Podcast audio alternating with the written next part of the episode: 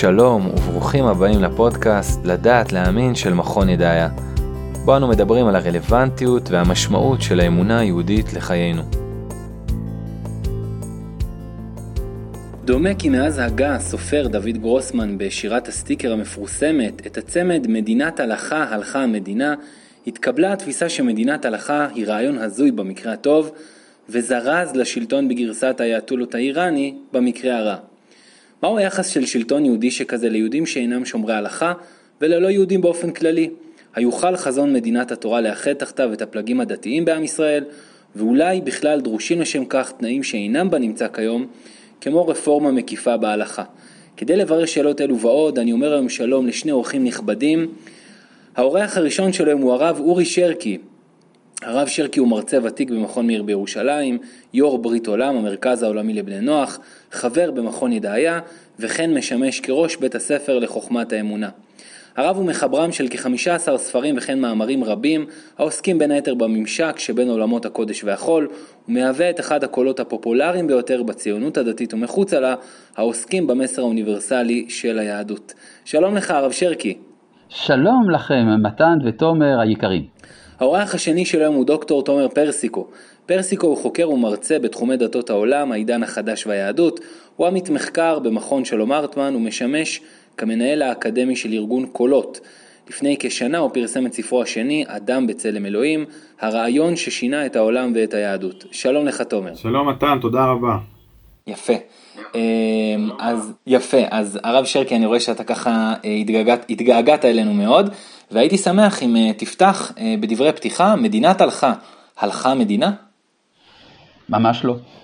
אני בדרך כלל רגיל להסכים עם היריב, אבל במקרה הזה, הסטיקר הזה פשוט לא לעניין. אני חושב שמדינת הלכה זה הדבר המתבקש, זאת אומרת, אה, אם יש אה, לזהות היהודית ולמסורת היהודית מה לומר, אז זה ברור שהיא גם כוללת בתוכה תפיסה מדינית ומשטרית מסוימת, ושמן הראוי אה, להתעסק בה ולראות את האופן שבו היא מתערה בחיים שלנו כיום וגם מחר. אה, יש, יצוין שגם בעבר אה, הרבה מאוד מרכיבים של אה, מה שאנחנו מכנים מדינת הלכה היוו השראה עבור מייסדי הציונות, אפילו רעיון היובל ועוד כמה רעיונות כאלה. אני חושב שגם במהלך הדברים, הדברים התבררו. תודה, אז בגלל שנשארו לי עוד שתי דקות, אז הייתי שמח לצטט משהו שאתה אמרת בסרטון של מכון ידעי בעבר, דחליל מדינת ההלכה מונף מדי פעם כדי להבהיל אותנו. כאשר אה, אם המדינה תהפוך להיות מדינת ההלכה היהודית, יהיה פה קשה יותר באיראן. עכשיו אני רוצה לאמת אותך. ההלכה מדברת על עונש מלקות, על עונשי מוות. אין אפשרות לנשים להיות שופטות בבית דין. אז מה צריך להכיר בהלכה היהודית כדי להבין שהיא לא תוביל אותנו לאיראן? אה, פשוט מאוד, צריך ללמוד את ההלכה היהודית. הרי כל מה שאמרת הוא לא נכון. פשוט, הרי אה, אה, אם זה באמת נכון, הוא לא רק עונש מלקות, למה לא הבאת עונש סקילה? אם כבר, סקילה למחלל שבת, הנה, פשוט, כן, אז מדוע לא הבאת את זה? מלקות יותר התיישב לי על הלשון. אה, פשוט, בסדר. עכשיו אני רוצה להבין, מתי ראית אה, את הרבנים נותנים מלקות למישהו? שעבר על איסורי להביא? האמת פה ביישוב שלי יש איזה רב שמלכה אותנו כל הזמן. לא יודע. מה זאת אומרת? אפשר להתערב? אני אגיד שני דברים, א', אנחנו יודעים שלרבנים היום אין סמכות מטעם המדינה לתת מכות, אבל אנחנו יודעים שבמקומות שיש להם סמכות, הם בוודאי גוזרים עונשים קשים, אנשים נשלחים לכלא למשל בגלל סרבנות גט. כן? מצוין, זאת אומרת איפה ש... זה, זה טוב מאוד, כלומר הלוואי והיה אפשר לתת מכות על, למי שלא רוצה לא, לתת אני את אני לא בעד מכות, לא, אני חושב שמי שמציע אלימות כפתרון, אין לו פתרון. אם זאת, הפתרון. רגע הרב שרקי, אבל כן, הרב שרקי אתה דיברת על מלכות זה דבר אחד. אה, הייתי שמח שתפרט יותר, אבל אה, הזכרתי גם שלנשים אין אפשרות להיות שופטות בבית דין. כן, אתה אומר שזה לא נכון. בטוח מה שאתה אומר, האם שמעת על המושג של, אה, של בית דין, איך זה נקרא? נו. יש בהסכמה, ש, שהם בעצם מסכימים, אז ב, אבל זה רק בדיני ממונות. אבל זה רק בדיני ממונות, נכון? כן, זאת אומרת, כן. אם מגיע עכשיו מתגייר, אם עכשיו מישהו שרוצה להתגייר, ויש בית דין, אישה לא יכולה לשבת שם לכאורה. תקן אותי. יש, יש הרבה דברים שאני לא יכול לעשות, למשל אני כ... אני כאיש מישראל אינני יכול לשאת כפיים בתור, בברכת כהנים, למשל. כן, כן אני, אבל אתה מבקש למסד את האפליות האלה כחוק מדינה. ולכך מתן, אני חושב, מצביע, מתן מצביע גם שיש פה בעיה. לא, לא, זה לא חוק מדינה, זה פשוט ההלכה, זה משהו אחר לגמרי. אם אתה מדבר על חוקי המדינה, יש מה שנקרא תקנת הקהל.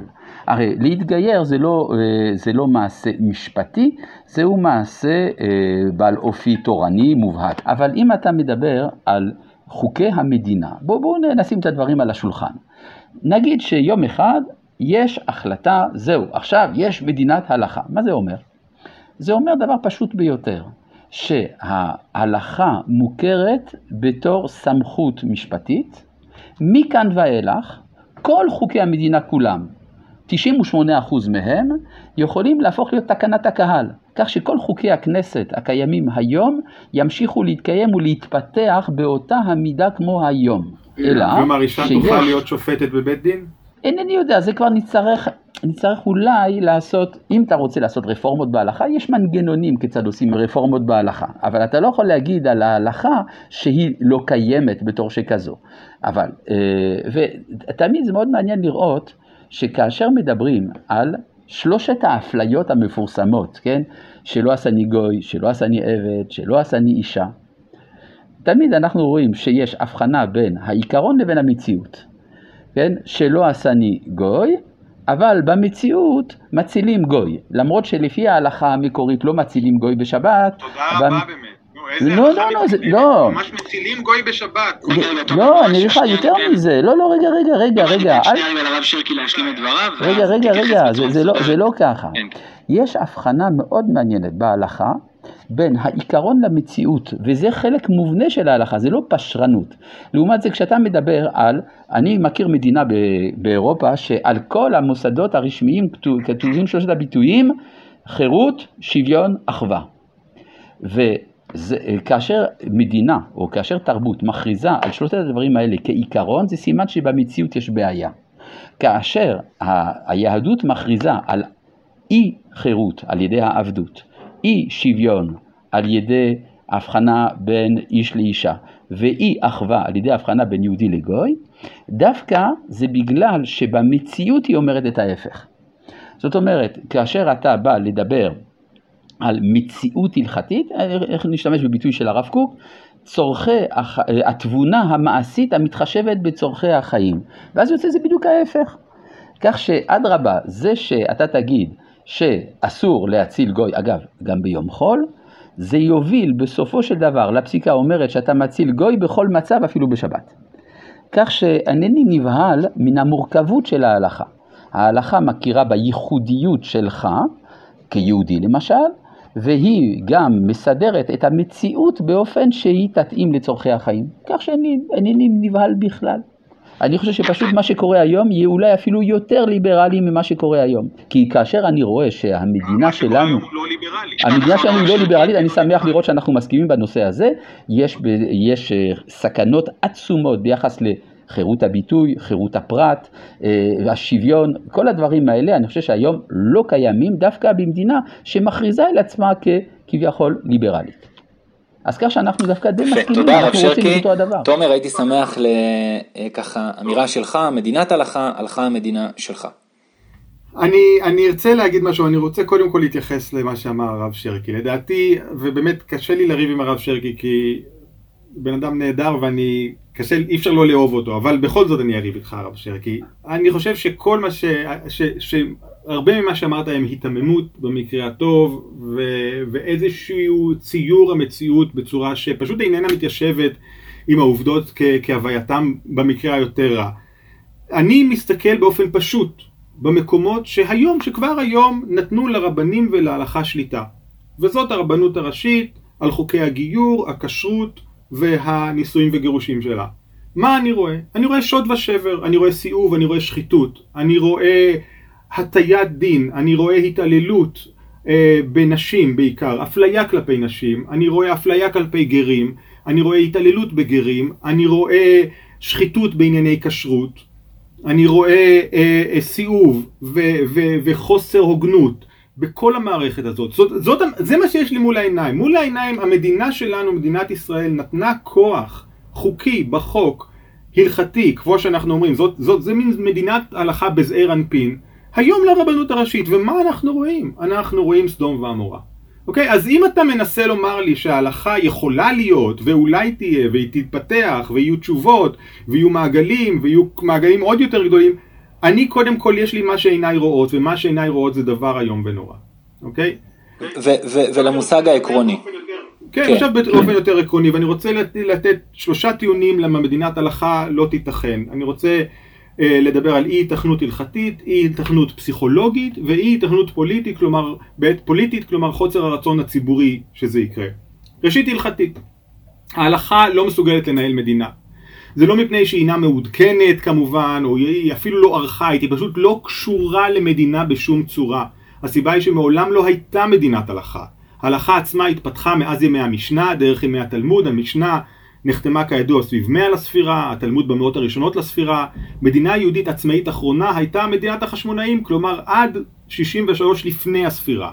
כן? זאת אומרת, לפני התפתחות ההלכה לא הייתה אז הלכה. בימי דוד המלך בוודאי לא הייתה הלכה, כן? הרי ספר, אפילו ספר דברים לא נכתב בימי דוד המלך, כן? אז על מה אנחנו בכלל מדברים? כן? אנחנו מדברים על, אה, על מין, מין יצור שלא היה ולא נברא. עכשיו, מה היה? היו חוקי תורה. בוודאי היו רשימה של חוקים שיש בתורה. כמו חוקי חמורבי, כמו חוקי אשור התיכונה, כל מיני רשימות של חוקים שהיו במסופוטמיה, והיה, אי אפשר היה לנהל על ידיהם חברה, בוודאי לא חברה מודרנית. היה איכשהו אפשר להתנהל בממלכה קדומה שמבוססת על שבטים נפרדים וכלכלה אגררית.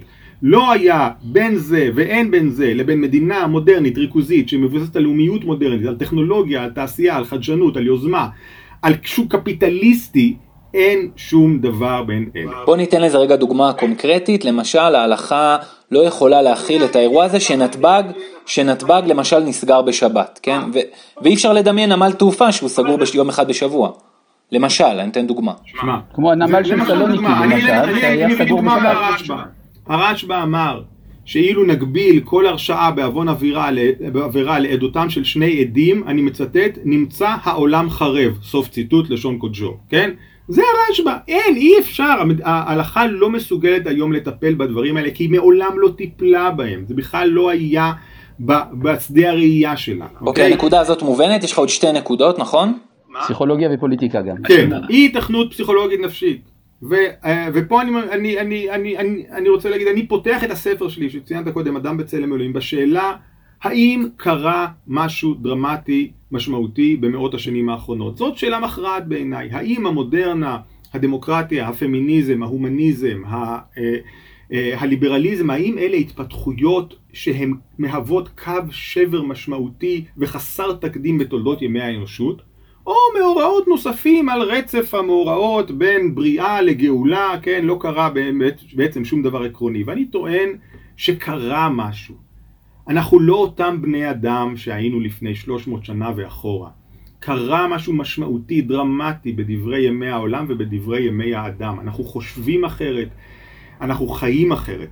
המצפון חשוב לנו, האוטונומיה שלנו חשובה לנו, החופש, החירות שלנו, שאנחנו מזהים כאוטונומיה, חשוב לנו, חשובים לנו, כן? אנחנו סובייקטים אוטונומיים והאוטונומיה היא בשבילנו אידיאל, כן? כדי להבין את ההבדל תחשבו על הממרה אה, גדול המצווה ועושה משאינו מצווה ועושה, כן? אנחנו לא חושבים ככה היום. אוקיי, okay, ואתה מזהה את מדינת ההלכה בתור גוף כופה, יש כאן כפייה דתית, כמו שאמרת גם במקומות כאן, אחרים. לא, אבל שוב, זה לא רק כפייה, הכפייה מובנת בתוך הקשר שבו גדול המצווה ועושה משאינו מצווה ועושה, אז כמובן שאני אכפה עליך, זה עוד יותר טוב בשבילך, כן? ואנשים גם חשבו ככה, אבל תבינו שאנחנו לא חושבים ככה היום, אנחנו חושבים בצורה אחרת ממה שאי פעם... אני אעשה את זה בשבילך, כן. מה? כן, בדיוק. והנקודה האחרונה? לא, רק שנייה. אז רק רגע, ההלכה ממיתה מחשיבות האוטונומיה של הפרט, וכפיית קיום מצוות היא חלק מההלכה, וזה אין גם, אין גם מקרה שההלכה מכשירה עבדות, כן? מתירה עבדות. אוקיי? זה צריך להבין שזה היגיון שזר לנו היום ומוזר לנו ולא מסתדר לנו היום. לבסוף חוסר הרצון הציבורי שנובע מהנקודה השנייה שהעלית. אנשים לא רוצים שיכפו עליהם משהו, אנשים לא רוצים שיס... ש... שהמדינה תחליט בשבילם מה טוב ומה רע, שתחליט בשבילם את הכיוון הראוי לחיים שלהם, ומבט אחד באיראן או בסעודיה יכול להראות לנו מה קורה כאשר מנסים לכפות תיאוקרטיה על ציבור שלם. זה לא עובד, ולחילופין זה עובד רק באמצעות הרבה הרבה אלימות, כן? זו מערכת שצריכה להחזיק את עצמה על ידי אלימות כל הזמן. ולכן אני טוען, אנחנו בתרבות ובזמן שהאוטונומיה והסובייקטיביות שלנו חשובים מצד אחד, מצד שני יש גיוון אדיר של בני אדם שמעולם לא היה כמוהו, כן? אנשים רוצים דברים שונים, חולמים על דברים שונים, מייחלים לדברים שונים, כן? רק תסתכלו על השדה המגדרי, תראו את, פשוט את הגיוון, כן? זה לא סתם, כן? זה משהו שקורה לבני אדם כאשר יש להם תנאי ש... תנאים של חברת שפע והם מסוגלים להתפתח. טוב, אם אפשר רק בשני משפטים, בשני משפטים, לכן ללא אלימות זה לא ילך, ועם אלימות זה חסר ערך. תודה. הרב אורי שרקי, יש לך הרבה מאוד על מה לענות לדעתי. לא, אני חושב שפשוט אה, כל מה שאמרת אומר זה נכון. כלומר, הוא מוכיח מה שתמיד אני אומר, שחייבים ללמוד. הדתיים צריכים ללמוד מה אומרת ההלכה, ובכלל זה, אני לא יודע איך תומר יגדיר את עצמו, אבל גם תומר צריך ללמוד מהי ההלכה, וגם החילונים צריכים ללמוד מה אומרת ההלכה.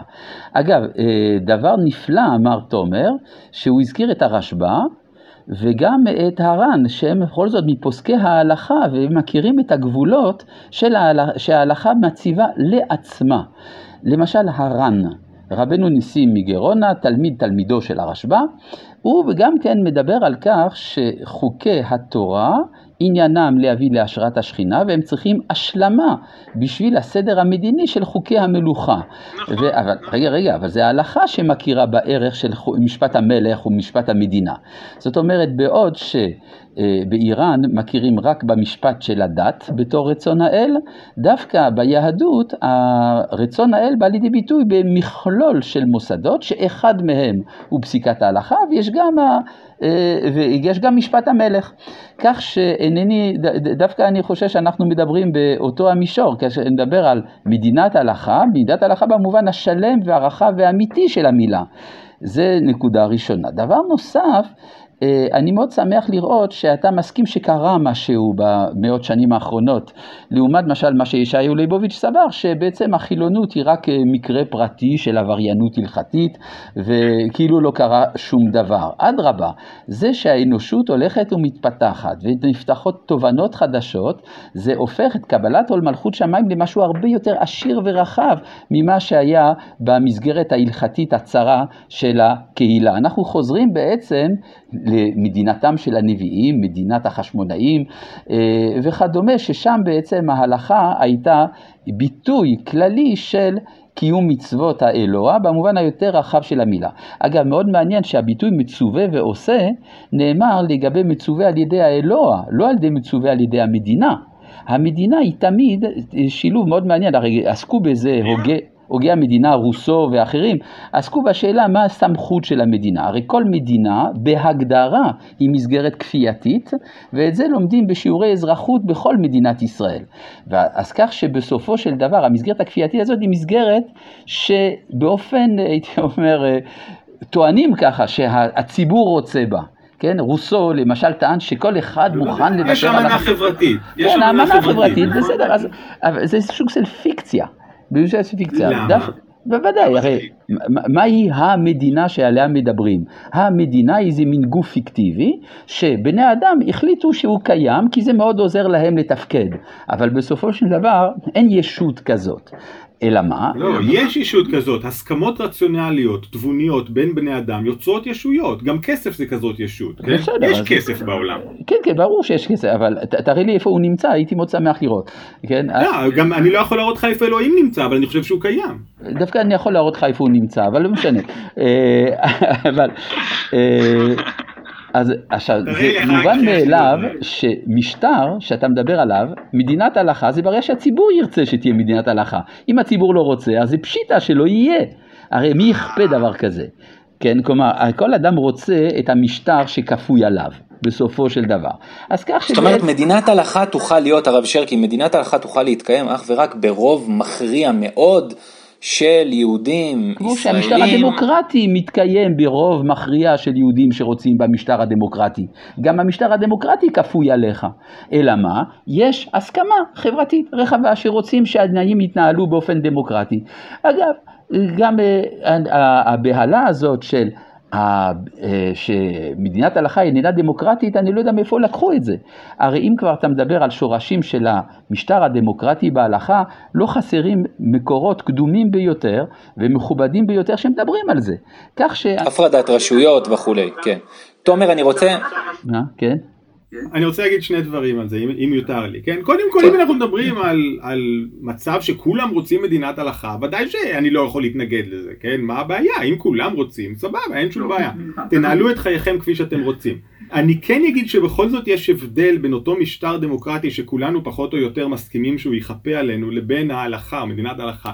ההבדל הוא שבמדינה ליברלית, המדינה לא קובעת בשבילך את מטרת החיים. כן? יכול להיות שאתה חושב שהדבר הכי ראוי לחיות... גם במדינת הלכה לא. מדינת הלכה לא קובעת בשבילך מה לחשוב. כן, היא קובעת שאתה צריך להיות עבד השם. כן, כן, היא קובעת. לא, לא, זה לא חלק מהחוק. זה לא חלק מהחוקה. החוקה אומרת כיצד הדברים מתנהלים, מה שקורה בתוך ההכרה הפנימית שלך איננו נוגע כלל למדינה. ברור, בסדר. זה אף פעם לא נגע למדינה. היא קובעת במובן של איך שהדברים מתנהלים, איך, איך אני צריך לכוון את חיי, כי היא קובעת שאני צריך למשל לשמור שבת ולשמור כשרות וכל, ו, והדברים האלה מכוונים או נובעים מתוך איזשהו ציווי אלוהי שלפחות משורה. כן, אבל השאלה האם בהלכה, האם ההלכה, מדינת ההלכה תכפה עליך את שמירת השבת או את הכשרות? לדעתי לא. וזה גם טענה הלכתית שלי. זה לא... הרב שרקי, במדינת הלכה, האם יהיה, יוכל להיות מועדון להט"בי בתל אביב פתוח בשבת? שמנגנים בו. לצערי כן, זאת אומרת, אה, כל זמן, הרי אתה יודע מה שההלכה איננה מתכוונת לאכוף את ציווייה. היא עשתה את הכל כדי למנוע מעצמה את היכולת לממש את איומיה. זה דבר מאוד מדהים, הרי זה בדיוק מה שהתחלנו לדבר עליו בהתחלה. למה לא דיברת על עונש סקילה או על עונש מלקות? אז למה תאמר? יאמר לך הדתי הבינוני, טוב, מה אפשר לעשות? אין לנו בית דין, אין לנו סנהדרין, אין לנו סמכות. אבל זה במקרה שההלכה קבעה שבלי סנהדרין אתה לא יכול, וגם כשיש סנהדרין זה בלתי אפשרי? בואו נתאר לעצמנו אדם שיגיע לפני בית דין, לפני סנהדרין היושבת בלשכת הגזית. וישאלו אותו הדיינים, תגיד, אתה יודע שאתה חיללת את השבת? כן, אני יודע. ידעת שיש שני עדים? כן, ידעתי. ידעת ששני העדים האלה מזהירים אותך ומאיימים עליך שיקחו אותך לבית דין? כן, ידעתי. אז למה עשית? על מנת כן עשיתי. פוסקים הדיינים, משוגע, פטור.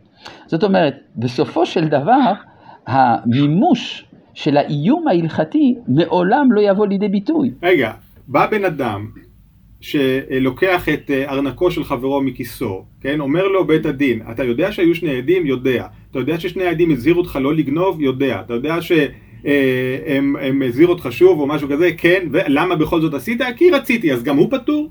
פטור לא, מהעונש? ודאי שלא. כי בדיני ממונות, כי זה דיני ממונות, זה לא דיני ענישה. בדיני ממונות, ברגע שאני לוקח את הממונות של חברי, אני חייב לשלם לו. יש בשביל זה אכיפה. ואפילו יכול להיות מדיני המלכות. גם, גם העונש פה בעצם מאפשר לעשירים לגנוב מה שהם רוצים, כי מקסימום הם יצטרכו לשלם את זה. רגע, זו טענה שאתה יכול לטעון כלפי כל דיני ענישה. כל דיני ענישה בדינים ממונות, זה לא קשור להלכה. רגע, רגע, זו טענה, זו טענה כלפי כל משטר שהוא. אלא אדרבה, אם באמת באופן ציני אנשים יתחילו לנצל את הפרצות של ההלכה, אז גם דרכים של ההלכה כיצד לסגור את הפרצות האלה. אני רוצה לסכם. הרב שרקי ודוקטור תומר פרסיקו, שיעור הגמרא שלכם, אתם בחברותה שלכם בגמרא, תמשיכו אחר כך. תומר, שאלה לי אליך, רגע ואז תגיד את שתי הנקודות, כי אני מחכה בסבלנות פה מאוד מאוד יפה. אה, שאלה קצת ארוכה אבל מאוד חשובה לי אליך, בסדר? הרב דוקטור עידו רכניץ, מי שאולי דוחף הכי חזק את הרעיון של מדינת התורה, כתב וכותב על כך כל הזמן שדמוקרטיה וחוקי התורה הולכים יחדיו, כך גם בספרו הטרי, מדינת התורה הדמוקרטית. עכשיו, אני הופתעתי מהדברים, קראתי אותם, קראתי גם בספר הראשון שלו, מדינה כהלכה.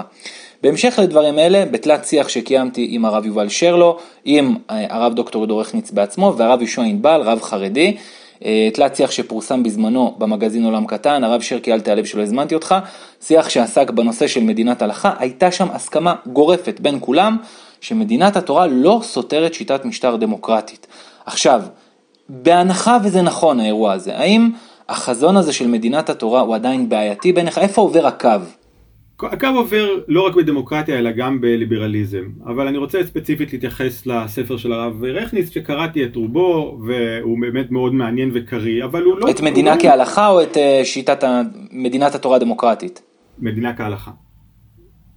אוקיי? Uh, הוא כותב שם בספר, אני מצטט, סמכות ההכרעה של הציבור מבוססת על הכרעות דמוקרטיות, סוף ציטוט, שזה נהדר, אבל גם תחילת ציטוט, סמכות זאת קיימת כל עוד היא כפופה לקווי המתאר של החקיקה שנקבעו בדין הדתי.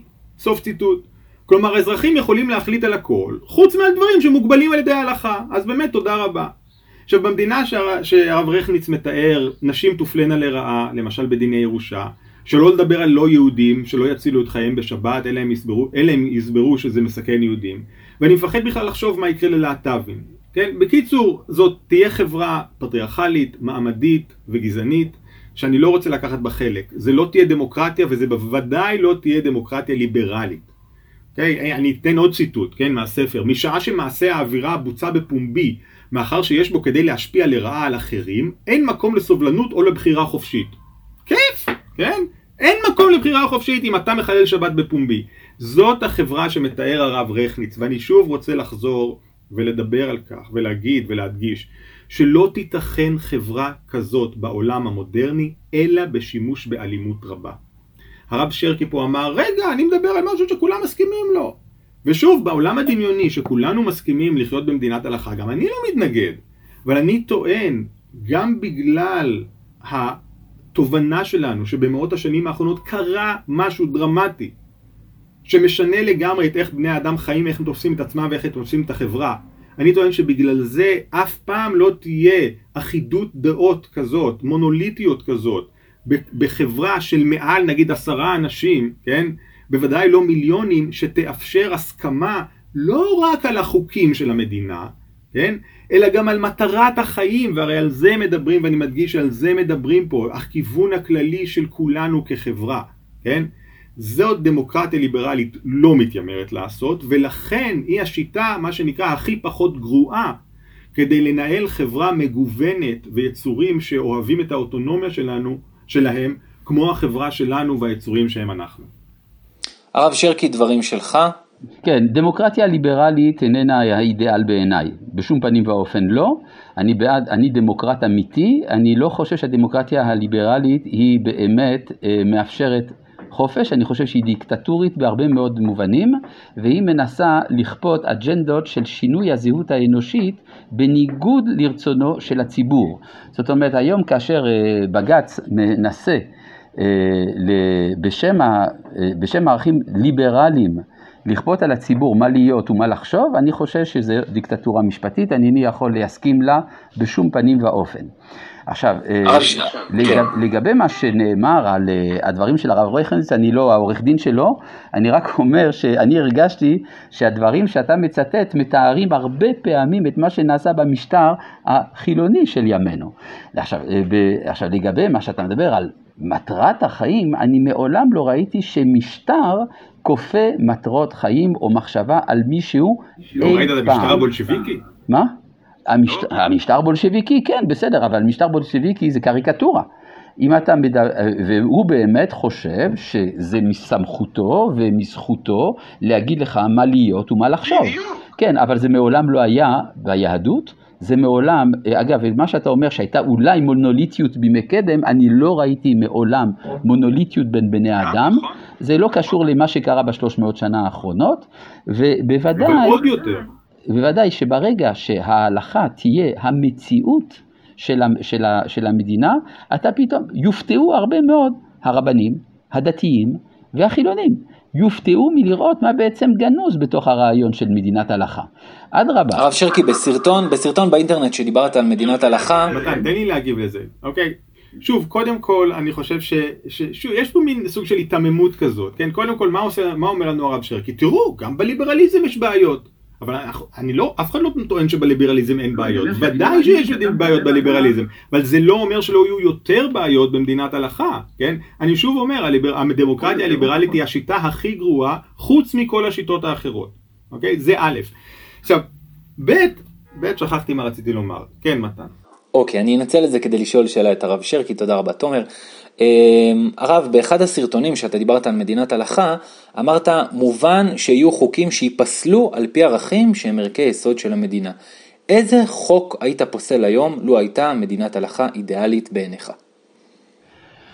אה, הייתי פוסל את החוק שעדיין לא קיים, של נישואים חד-מיניים. לא הייתי מעניש חד-מיניות. אני חושב שזה יותר חמור שניתנת משכנתה לזוג הומוסקסואלי, מאשר עצם התרת המעשה. וזאת משום שהתרת המעשה נוגע לחיי הפרט, וכידוע ההלכה איננה מתכוונת לאכוף שום דבר בחיי הפרט. ברגע שיש מיסוד של תפיסה מסוימת של מהו האדם ומהי המשפחה, כאן ערכי היסוד יתערבו.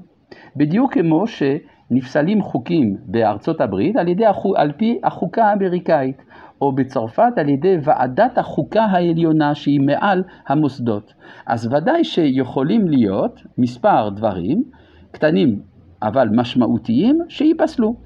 אבל ברגע שאתה מדבר על פסיקת, ה, על, על הדין הקיים, הדין הקיים המאפשר קיומו של מועדון להט"בי פתוח בשבת, לדעתי זה ימשיך. זה ימשיך משום שההלכה לא התכוונה מעולם להיכנס לנקודה הזאת.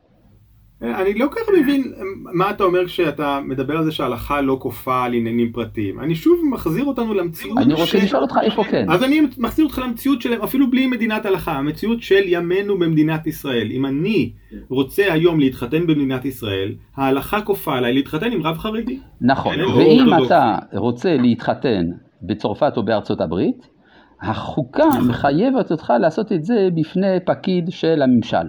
כן, אתה מבין מה ההבדל לא, בין פקיד לא- אזרחי לבעל תפקיד דתי? רגע, יש רגע, הבדל. רגע, יש הבדל, הפקיד האזרחי הוא ניטרלי מבחינת האמונות. אני אשאל, לא, זה פשוט מאוד, ההבחנה בין דת למדינה היא כן. הבחנה אירופאית לילידת הנצרות, נכון. שמבדילה בין הקיסר לבין אלוהים, זה ברור. נכון. עכשיו, אם אתה מדבר על מוסד הנישואין, מוסד הנישואין הוא מוסד ציבורי. הציבוריות בישראל היא קשורה גם למסורתה של אותה האומה. זאת אומרת, אתה לא יכול להפריד באופן מוחלט. אין בעיה, מה שרציתי להוכיח, זאת אומרת, כפייה על הפרט, אז אל תספר לי שלא. לא, לא, לא, סליחה, כפייה על הפרט זה במוסד, זה נכון בכל מוסד נישואין שבעולם. זה לא, לא זה לא נכון, לא, זה לא נכון, בארצות הברית אתה יכול להתחתן איך שאתה רוצה. לא עם נכון. איש דת, עם פקיד עירייה, עם איזה איש דת שאתה לא רוצה, נכון, מאיזה לא כיוון נכון. ועם איזה מין שאתה רוצה. כן נכון, רגע. ואני יודע, כי חייתי שם שלוש שנים, ואני רגע. אפילו אגיד לך, ערכתי חופה שם. אוקיי, הרב שרקי, הרב שרקי, קח דקה, שתיים.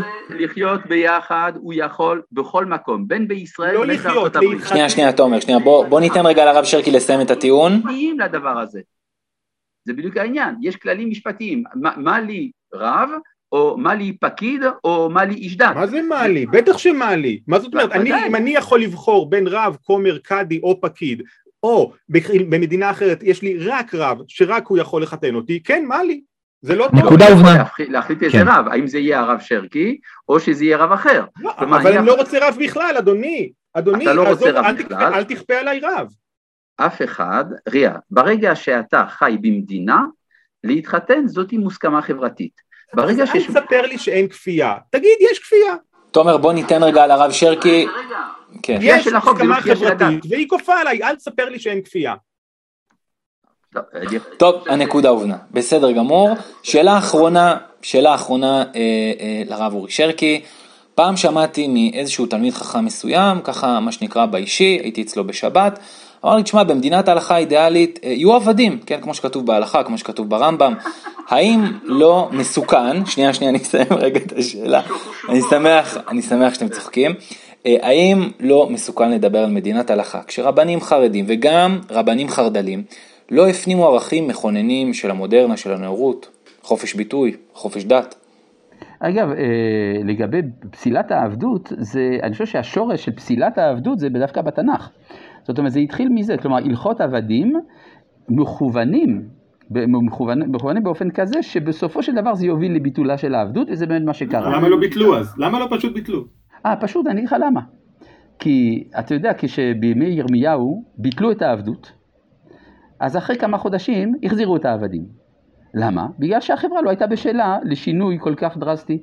לפי התנאים הסוציו-אקונומיים של אותם הימים. בכל התלמוד אין ולו חכם אחד, חכם אחד שטוען שצריך לבטל את העבדות. ואילו באותו זמן שהתלמוד נכתב, יש אנשים כמו גרגוריוס מניסה, בישוף ניסה, שאומר כן, צריך לבטל את העבדות. זאת כן, אומרת, גם רבי עם. כל הכבוד, גם רבי ישמעאל.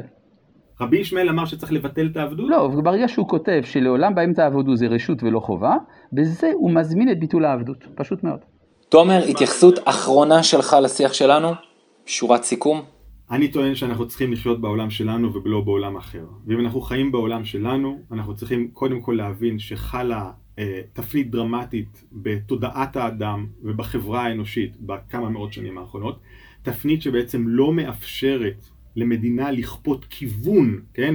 כמו שקרא לזה הרב שרקי קודם, האתוס הכולל של החברה, סליחה אם אני, אני מצטט לא נכון. לא השתמשתי בביטוי הזה, נכון. נכון, אני, סליחה, אני, כן? אי אפשר לכפות את זה על ציבור מגוון, הטרוגני, וציבור שכל כך אוהב את האוטונומיה שלנו כמו האדם המודרני. זה א'. לכן, זה, לכן גם בד- בדמיון זה לא אפשרי. אבל אם אנחנו בכלל אפילו לא מגיעים אל הדמיון, אלא מסתכלים במדינה שלנו, מה אנחנו שקורה נתחיל בה... בשורה חדשה. נכון, שורה, אה, זהו, אני, משפט, כן? מסתכלים אוקיי. מה קורה היום כשרבנים והלכה מקבלים כוח מאת המדינה, כוח חוקי. מסתכלים על הרבנות הראשית היום, אנחנו רואים לאיזה זוועה זה מגיע. נקודה. הרב אורי שרקי, מילות סיכום. כן, נבהלתי מלראות שתומר פרסיקו מסכים למדינת הלכה אם כולם ירצו בה. טוב, יפה מאוד. אז עם הקריאה הזאת של תומר פרסיקו למדינת הלכה אנחנו אה, נסיים. אגב, בסיום הפודקאסט, הרב אורי שרקי בעצמו יראה לנו איפה נמצא אלוהים. יישארו עמנו, אה, אולי זה יהיה בפודקאסט הבא גם. אה, תודה רבה לשניכם על שיח מרתק. תודה רבה. תודה שהייתם איתנו בעוד פודקאסט של מכון ידעיה. חומרים נוספים ומגוונים תוכלו למצוא באתר שלנו לדעת להאמין ובערוץ היוטיוב של המכון.